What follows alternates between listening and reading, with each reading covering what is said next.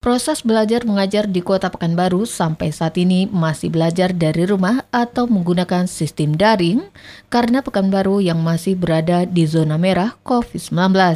Hal ini diungkapkan Kepala Dinas Pendidikan Kota Pekanbaru Ismardi Ilyas. Dikatakan Ismardi, meski tidak semua kelurahan di Pekanbaru saat ini berada di zona merah, namun untuk menekan pertambahan kasus COVID-19 di kota Pekanbaru, pihaknya memutuskan untuk menghentikan sementara belajar tatap muka di sekolah. Karena dikhawatirkan dengan mobilitas penduduk yang tinggi di saat lebaran kemarin, bukan tidak mungkin ada pelajar atau juga tenaga pendidik yang masuk ke wilayah zona merah.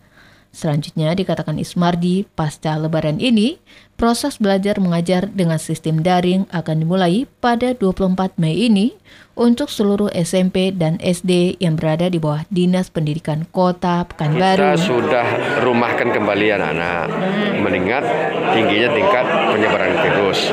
Walaupun itu di zona hijau, walaupun itu di zona kuning, itu boleh sebenarnya.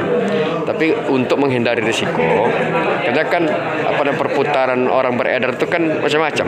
Bisa saja orang di kelurahan merah masuk ke kelurahan hijau misalnya kan atau atau seterusnya maka mulai Jumat tanggal berapa ya? Sudah dua minggu lalu, tiga minggu lalu itu sekolah sudah kita dirumahkan lagi.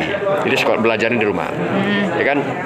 Nah, seperti biasa kita menggunakan metode daring, ya sesuai dengan kemampuan uh, guru dan Desi Suryani, tim liputan Barabas melaporkan.